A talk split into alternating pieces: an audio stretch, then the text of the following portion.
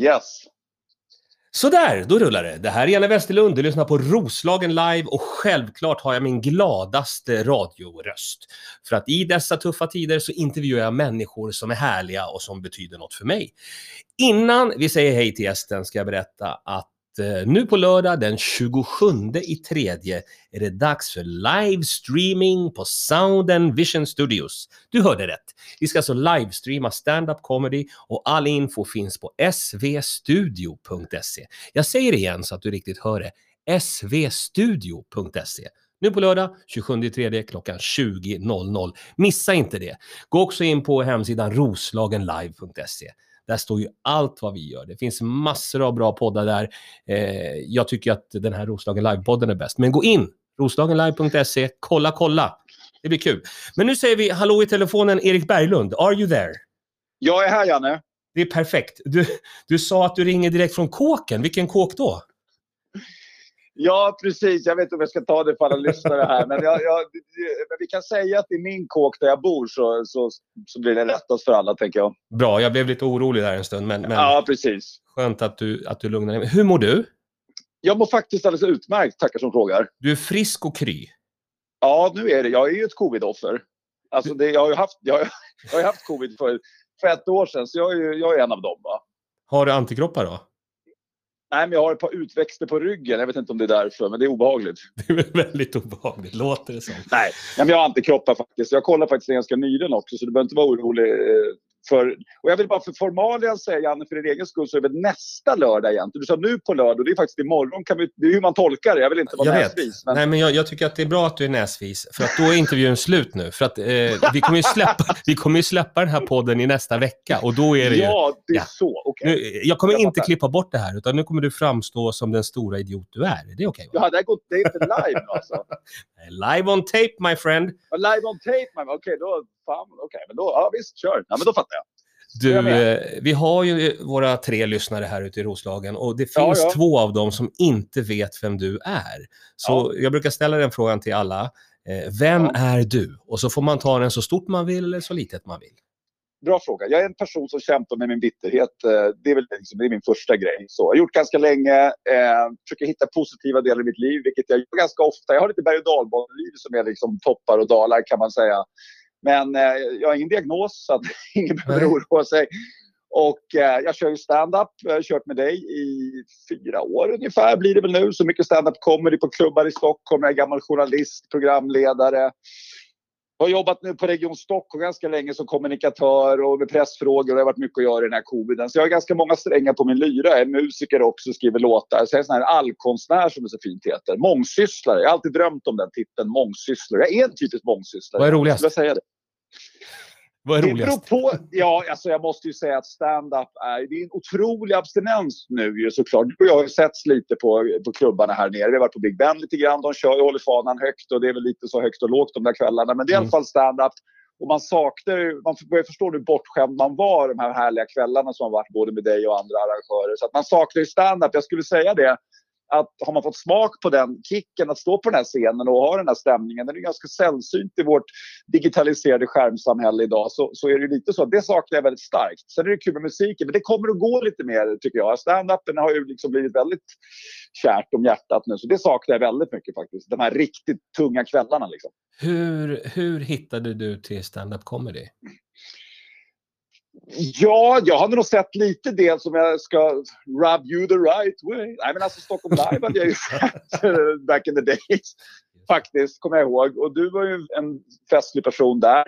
Sen, eh, det var ju svenskt där. Några, så har man ju sett liksom Brunnen och det här för väldigt länge sedan. Eh, Sen har jag nog bara haft en bild av mig själv att jag skulle hålla på med stand-up. Jag började redan för tio år sedan och småfuska lite grann när jag var programledare för en talkshow som Eftersnack i Dalarna. Då körde jag lite med Hans Karstensen, du vet, i Gävle där, som, var, som vi hade som gäst Ja. som berättade lite om hur man skulle tänka. Och man ska ha sina tre ben, man ska vara grundad i vad man är och så vidare. Så då började jag liksom leka lite mer. Sen är det väl som för många av oss som har börjat med det här att man har väl någon uppfattning om sig själv som en rolig snubbe.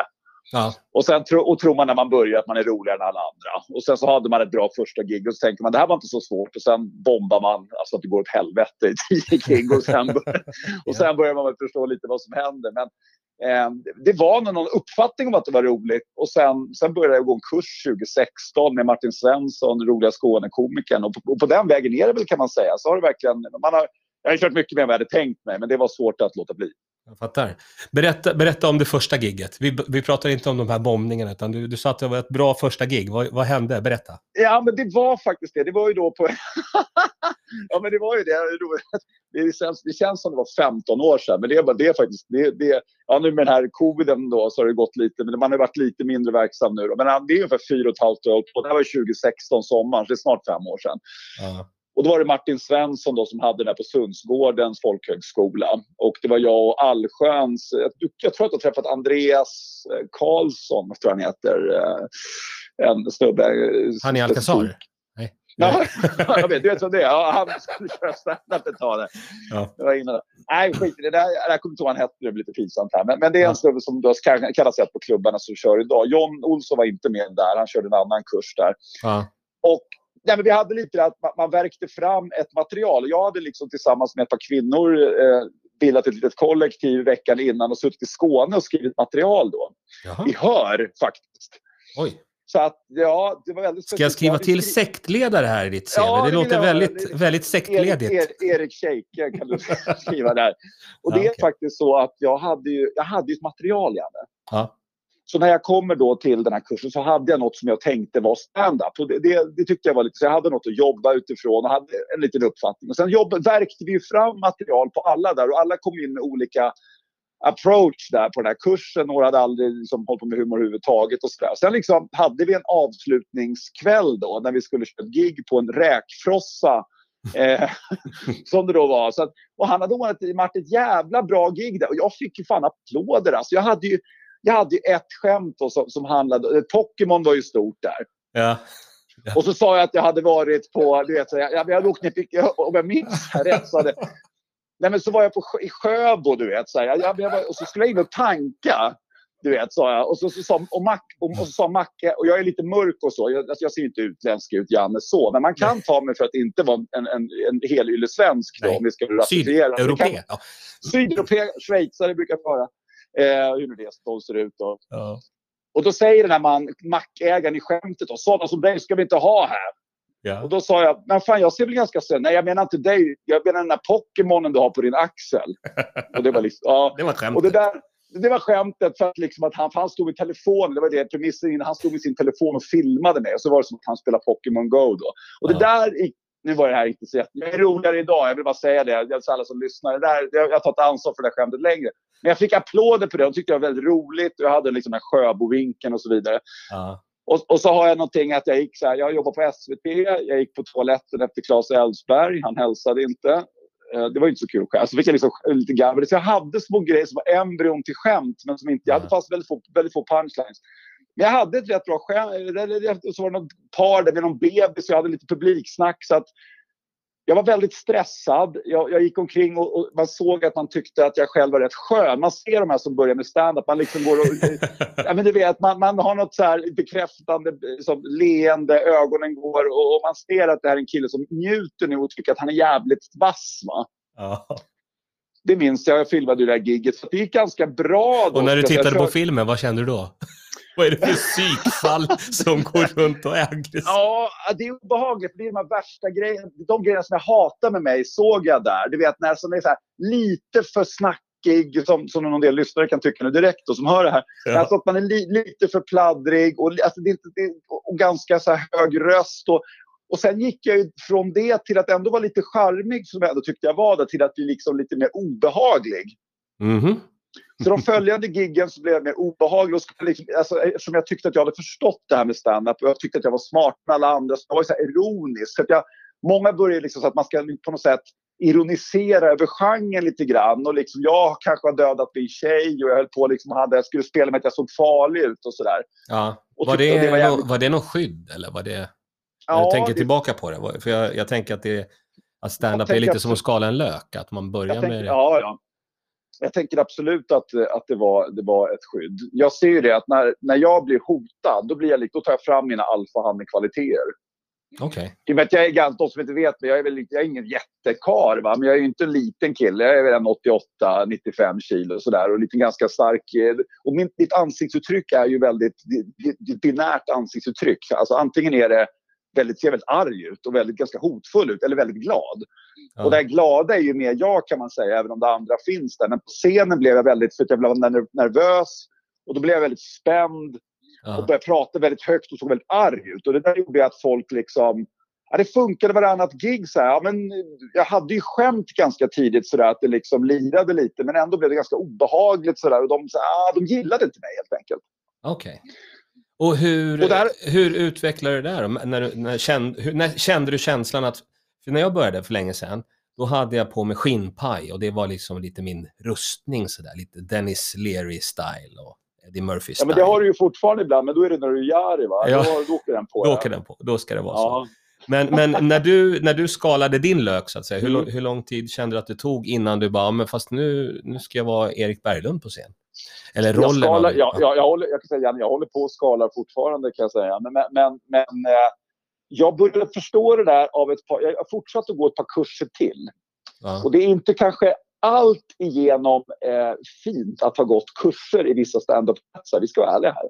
Okej. Eh, men, men, jag tycker att det var, har varit jävligt bra för mig. Men vissa tycker man ska inte gå kurser och sådär. Men jag, jag tycker att kanske resan, om man analyserar sig själv lite för Så här, varför står man på scen? Man vill att folk ska ha kul, vi ska ha en rolig kväll och jag vill ha många skratt. Jag vill ha stora skratt och många skratt. Och jag vill, ja, det är vad jag vill med stand-up. Jag är inte ute efter att tre pers ska tycka att jag är rolig och sen sitter de andra bara och kräks. Liksom, eller det skapar någon konstig stämning. Det är inte det. Jag vill att det ska vara kul.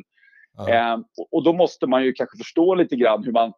Hur kan jag komma dit? För stand-up handlar ju någonstans som, såklart att sila alla upplevelser, sina egna upplevelser av världen genom sig själv så att det blir unikt någonstans. Så att de skämt man drar ska liksom på något sätt höra ihop med personen, tycker jag. Sen kan man ju bara stå och dra skämt som är skämt. Liksom. Ja. Eh, men det blir lite roligare om det finns grundat i den som personen är, tycker jag. Men det är ju lite, lite så, som man tycker med det. Ja. Men jag började ganska snabbt filma mig själv eh, på scen. Och då såg jag ju att jag hade massa tics för mig. Dels att jag, du vet, jag sa liksom och så här 40 000 gånger. Jag gick som ett så skadat djur fram och tillbaka på scenen.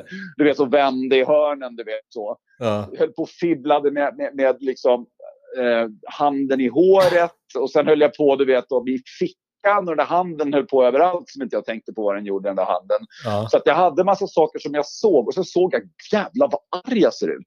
Ja. Och som jag sa, sa innan då med kurser så gick jag ett par kurser till då med de två erfarna komikerna Lasse Karlsson som du känner mycket väl och Thomas Oredsson som du såklart känner mycket väl också. Ja. Och de två, det var ganska, Lasse var lite snällare men Oredsson var ganska så här, han bara, fan vad arg du Erik. Du är så jävla sur på sig. Det kommer ingen garva åt. Det där fattar ingen. Ja, men du vet så. Så han är ganska Ja. hård så. Mm. Lite kärlek så, men det var en ganska jobbig kurs. Vi var typ 7-8 pers där vi satt på ett ödsligt Norra Brunn och det var ingen stämning någonstans. Va? Jag fattar. Men jag hur, fick- hur tar du eh, sån där feedback och kritik? Eller hur man säger? Hur, vad händer med dig då? Jag tycker det är en jättebra fråga och det där måste man nog gå tillbaka till sig själv som människa. Man kan inte lyssna på vad alla säger. Det tycker jag är väldigt, det tycker jag är väldigt dåligt. Men jag tycker att Thomas Oredsson har kört stand-up i 40 år och jag har kört inte i 40 år någonstans. Ja, ja. Så någonting har han sett som funkar eh, och som man kan tänka sig. att Jag kan välja att lyssna på det till en viss del. Sen kanske man inte har exakt samma humor och så eh, ra- rakt av upp och ner. Men vissa grejer tycker jag är bra att lyssna på. Sen lyssnar jag inte på vad alla säger. Men jag, jag, men jag, säg, jag lyssnar, så, så kommer folk kritik. Jag tycker man ska lyssna på den. Sen får man, får man göra vad man vill med den. Men man blir, att, att direkt bli defensiv och bara stöta bort allting, det tror jag inte är bra. Sen kan man inte ta in vad alla säger, för stand-up är väl kanske den största bedömningssporten i hela världen. Jag på att säga. Alla har ju åsikter om hur man ska göra och. Mm. Så det går inte. Men jag, jag tycker att min resa till att bli bättre har gått snabbare sen jag analyserade lite grann vad jag höll på med. Många tycker att det är så fruktansvärt jobbigt också att titta på sig själv Ja. p- på film. Och det, det kan det ju vara. Men några gig har jag gjort när jag tycker så här, jävlar, det där var, det där var lite klass på. Att det där jävlar, höll ihop. Ja. Det var så här, jag, jag förlorade mig själv i att det var kul. Och det var inte så här publiksnack eller att någonting bara råkade bli kul för att det var, du vet, det hände något i lokalen. Jag hade ett bra sätt och det höll även på film. Då tyckte jag, ah, jävlar, det där var schysst. Men ofta är det att man bara, ah, fan vad gjorde jag där? Eller man trasslar lite och liksom slänger om grejer. Men det, men det tycker jag var eh, intressant och det har gått snabbare för mig så jag började analysera eh, lite mer skulle jag säga. Ja, jag måste säga att jag, jag har ju följt eh, många nya, eller nya, du vet, som har börjat för fyra, fem år sedan. Och, ja. och, du har ju verkligen grindat på och slipat på ditt craft liksom. Så att jag tycker nu, de senaste gångerna jag har sett dig, du har kört kanske 15 minuter, ibland mer, ibland mindre. Det är liksom, det är, sli, det är slipade grejer, du har liksom jobbat med dem. Jo, så är det. Så det funkar. Och du ska komma ut till eh, Roslagen, till Norrtälje nu på lördag. För att vi kommer släppa Snygg. den. Ja. Och då ska du ju tävla. övergång. Ja, och då ska du tävla i stand-up. Ja. Och där, och där jag... är det lite jobbigt eller? Det tycker jag verkligen att man kan göra. Jag tycker just att musik och stand-up, det kanske är det bästa att tävla i. ja, ja. Ja, jag, tror, jag tror att eh, du kommer göra succé. Men vi ska inte bara prata stand-up, för jag tänker att de här snacken gör jag, det är 30 minuter och nu har ja. halva tiden gått. Åh helvete! Så vi ska växla spår nu. Är det Eller, du som bestämmer, Janne? Först vill jag eh, fråga lite om, om det här uh, Bittre Berglund har skrivit. För du sa ja. det i början av uh, snacket här. Den ja. här bitterheten, vad är det för någonting? Ja, vad ska man säga? Till grunden är det någon sorts låg självkänsla som har funnits där. Och sen att jag har haft jag har identifierat mig själv väldigt mycket. Jag har kopplat mitt välbefinnande mycket till prestation och okay. resultat och att få cred av andra. Oj. Det har varit väldigt viktigt för mig och jag tror att det är det kanske för väldigt många artister och sådär. Men det gör att det blir ganska plågsamt. Om man har det så starkt, då gör det också att man kan ta kritik hårt, man kan lyssna på vad folk säger, man irriterar sig när det går bra för andra. Och det finns massa aspekter i det där som jag tror har påverkat mig i olika utsträckning i livet. Uh. Och det har också fått mig att våga, jag vågar väldigt mycket saker för att jag ska bevisa för mig själv och bevisa för andra. Så jag har gjort, jag har varit i Afghanistan, jag har sänt jag har gjort massa saker som har varit ganska... Bara på semesterresa i Afghanistan eller? Nej, nej ja, exakt. Var bara nere där för en liten semestertipp. Ja, Vad gjorde du i Afghanistan? 50-talet var lite lugnare där. Ja. Nej, det här var, det, jag var ju pressofficer för den svenska försvarsmakten där. Okej. Okay. Hur, var, hur var det, det då? Ja, det var ju... Och det var också en lärdom. Jag hade ett par grejer med den där resan. Och det var så att jag sa så här att om jag klarar av... Jag är inte militär, jag har faktiskt inte ens gjort lumpen. Jag är en kille som uh, gillar att träna och är lite fysad så att jag ser nog ut som någon som har gjort lumpen. Det, det har jag inte. Okay. Så att det här var ju lite som att gå från Korpen till Champions League på tre kvart. Ja, fattar. Ja, så att jag gjorde hela den här träningen och så jag ska inte bli långrandig kring det. Mm. Och sen åkte jag ner där och jag hade ju sån fruktansvärd ångest innan jag skulle åka där. Jag började fatta att jag faktiskt skulle ner i det här området. Mm. Eh, och det där är så intressant, just ur ett psykologiskt perspektiv, om man oroar sig för och, och låter andra saker sätta känslor i en själv. Jag tycker det är superintressant. Och jag hade också bestämt mig för att om jag klarar att åka ner till Afghanistan, komma hem och typ få en medalj eller någonting. Och det fick jag för att jag gjorde en minnesbok över den här resan som alla pressofficerare måste göra. Och jag var väldigt ambitiös med den. Den blev väldigt snabbt klar och jag fick en, liksom en, en medalj av chefen och sådär. Och jag mm. tänkte att om det där skulle hända, då kommer jag aldrig mer vara olycklig i hela mitt liv. Jag kommer att leva på den här vågen av den här prestationen. För det är sånt jävla... Från där jag var då så var det ett sånt otroligt steg att tänka sig att komma dit. Och sen gjorde jag det och levererade allt det här och fick den här medaljen. Och så kom jag hem och så satt jag liksom bakfull på T-centralen i en jävla kartong. Och mådde sämre än vad jag gjort i hela mitt jävla liv. Ja. Och det där tycker jag är fascinerande. Det handlar också om hur man kopplar ett välbefinnande. Om man bara kopplar det till att man ska få cred. Om inte jag får cred av andra och att alla tycker att jag är bra, då kommer inte jag vara lycklig. Då kommer inte jag må bra. Okay. Men om jag får den här credden, då kommer jag må bra. Det här är någonting som har varit liksom hela mitt liv. Någon sorts av prestationsångest och någon sådär osäkerhet och självkänsla-grej som har gjort att jag hela tiden har haft det här. Ett otroligt driv, men ganska ofta missnöjd hela tiden. Right. Det har blivit bättre med åren ska jag säga. Men, men du är liksom, ju, du, hur gammal är du nu? Du är? 45. 45. Vad, vad, vad, vad slöseri, tänker jag. Eller vad, vad ja. dumt att du, att du tänker på det här sättet. Ja, det var ju mycket så. Det har, det har väl blivit bättre kan jag säga. Men det har, mm. det har ju varit en, en, en liten följeslagare delvis i livet. Så är det. Jag fattar. Men eh, jag tänker när du, när du var i Afghanistan, då borde man väl... Eller nej, jag vet inte. Man kommer kanske hem och är helt knäckt bara. Alltså man... Nej, det, det var jag inte. Utan när jag, när jag var där men det var också en sån här lärdom också, vad man, alltså det här med att oroa sig för saker. För jag trodde att när jag kommer åka till Afghanistan, då kommer det vara så hemma hemskt där. Där var jag lugnare än någonsin. Ja. Och när jag var ute på de här operationerna och sånt, vi åkte runt överallt och du vet, det var ju potentiellt väldigt allvarligt. Det var ju skottlossning någonstans också. ja. Eh, så var jag väldigt lugn.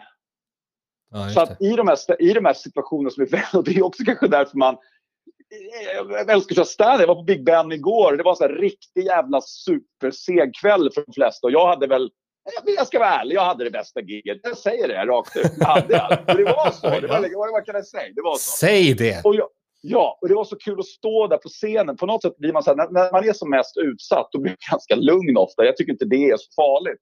Sen det här andra grejerna i livet, det är då saker kan komma för mig. Va? Så att, Men är du en kicksökare? Är du en ja, adrenalinjunkie? det har det- ja, inte så att jag måste liksom åka, nej men så här, åka jetski ut för nedbara fallen. Liksom. Inte riktigt så. Det som Men, är så eh, roligt. Det Jetski. som, är, det, som, det som är så roligt. Men på lite andra sätt har det absolut varit sådär. Jag menar, mycket med träning och liksom springa fort, lyfta tungt och man ska vara runt på saker hela tiden och utsätta mig själv för grejer. Absolut. Det, så har det varit.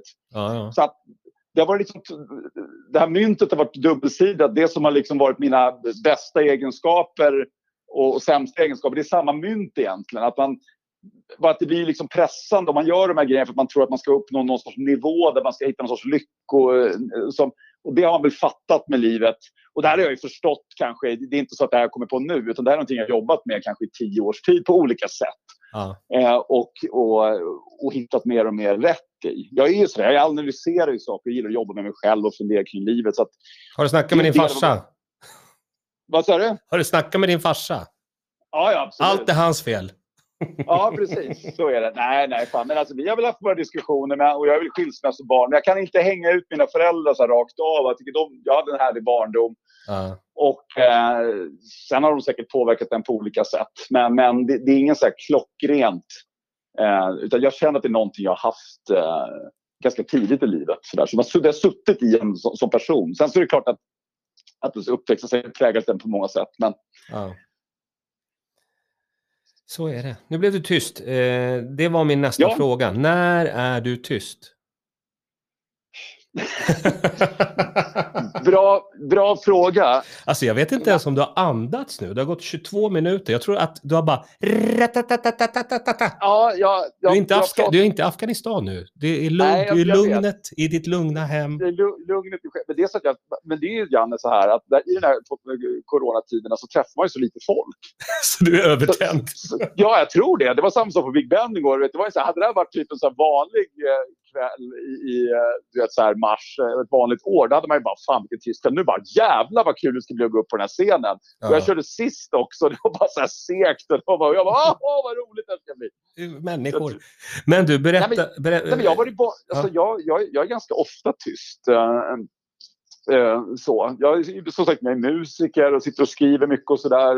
Ja. Så att, och även i, i, i samkväm med, med andra och sånt också. Jag, det är klart att jag pratar ju mycket, det, det gör jag. Men eh, jag No shit. relativt bra lyssnare också vill jag ändå säga. Jag tror det. Ja, det är bra. Du, eh, du får välja nu. Eh, musik eller covid? Musik, va? Eller Ja. covid? Eller musik? Är det frågor, är det frågor på det? Ja, eller? jag, jag tänkte jag skulle stryka de Nej, här. inte covid. Det, eh, det, det håller du på att informera om och har, jobbar du med? Precis. Jag jobbat på Region Stockholm så att jag har jobbat på kommunikationsavdelningen och med pressfrågor och sånt som gäller eh, information. Mycket, mycket, alla aspekter, granskningar, vår information utåt, journalisters granskningar kring hur det har gått och inte, utvärderingar. Så, där, så, därför, så därför ska vi prata om musik. Du får välja Janne känner jag. Där du känner dig trygg med. Nej, men jag, jag gör precis vad du vill. Nej, men det har varit, alltså, det har varit hela, det snackas ju om hela tiden. Så jag, jag tycker mer att di- dina musikprojekt, du sitter, alltså du filmar dig själv på din Facebook-sida och Instagram och vad det är. När du Ja. lirar, du är en jävel på att lira. Vad kommer det här musikintresset, och när börjar det och hur börjar det och varför och så vidare. Intressant. Det, det där ja, det kom ju tidigt. Min farsa är ju musiker. Han spelar ju countryband och sådär. Så att han spelar mycket på 70-talet. Sa jag att det är farsans fel?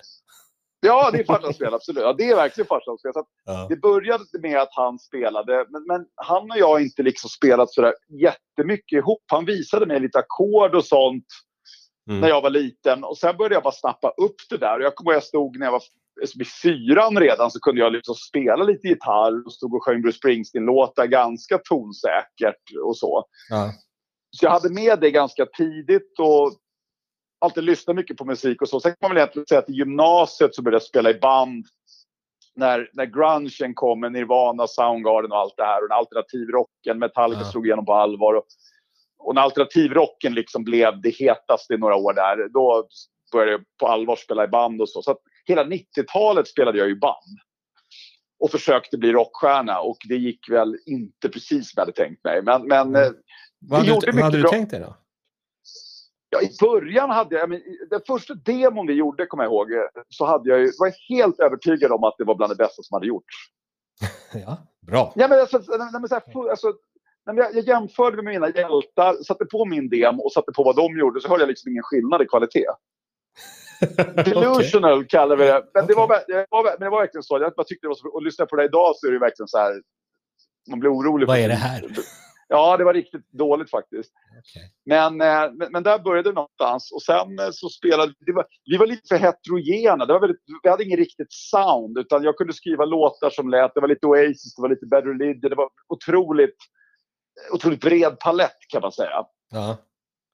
Så att vi hade, vi var där, vi var med på några samlingsskivor och det var liksom lite snack med några skivbolag och där ett tag. Men det vart inte riktigt. Sen så kom min självkritik lite grann. Jag tyckte inte riktigt att min röst höll för det, jag- det jag sjöng då.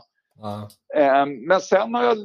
Sen var det ganska slut. Jag spelade band 2001 och sen gick det väldigt många år att jag inte spelade jättemycket. Sen började jag väl egentligen ta upp det där 29, 20, efter Afghanistan egentligen så gjorde jag klart en skiva som finns på Spotify nu Mm. eh, under mitt band Not the New Messiah. Inte den nya Messias, Not the New Messiah. Det är mitt eh, rocknamn. Aha. Så man kan gå in på Spotify och lyssna. Det finns en skiva där eh, som är helt okej skulle jag säga. Och sen har jag spelat in nya låtar jag inte har släppt och nu spelar jag in mest akustlåtar själv där jag sitter och sjunger. Och, Det är de jag, jag- det är de jag sett. Ja, jag, jag gillar dem. Jag gillar dem. Ja, det, det är så Ja, avskalat och du är själv där och det, Ja. jag tycker det är bra.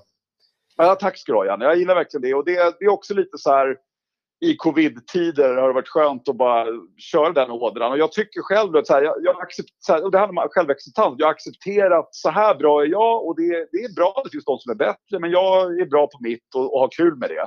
Och kan tycka att, och förut var det alltid skulle jämföras och så. Så det är, liksom, det är någon sorts process Ja. eh, i allt det här. Jag skriver ha kul med det. Jag skriver upp det. För det, ska, Ja. det tänker jag att den här poddepisoden ska heta. Vet du vad vi ska göra nu, Erik? Nu ska vi göra Nej. en klassisk cliffhanger. Ja. Eh, vi har ju inte pratat klart med varandra. Det betyder att vi kommer Nej. göra en del två i framtiden. Där vi Ja. kommer få reda på hur det går för dig i tävlingen Ja. Roligast i Roslagen, vad du gör med musiken, vad du gör i livet framöver. För att jag, Ja. jag har inte så många gäster. Så då tänker Nej. jag, då mjölkar jag allt jag kan ur dem. Ja. Säg vad man följer dig. Vad, vad finns det på för social media? Jag finns på eh, ja, Facebook såklart och sen Instagram, Erik Berglund 1. Erik Berglund 75 heter jag nog där. Mm. Erik Berglund i alla fall. Och på Spotify, Och, eh, vad, vad hette bandet? Not the new Messiah. Ja, men fan vad bra. Det där är, Ja. det är roliga och bra grejer. Eh, du ska ha mycket kul i livet. Nu ska Verkligen. vi runda. Vet du vad Erik? Häng kvar. Jag vill, jag vill, jag vill jag prata lite mer. Men jag vill inte Ja. att eh, alla ska... Du och jag ska prata. Alla behöver inte höra. Ja. Eh, nu har ni lyssnat på Roslagen live, ett samtal med den fantastiska komikern Erik Berglund. Jag heter Janne Westerlund och säger på återhörande.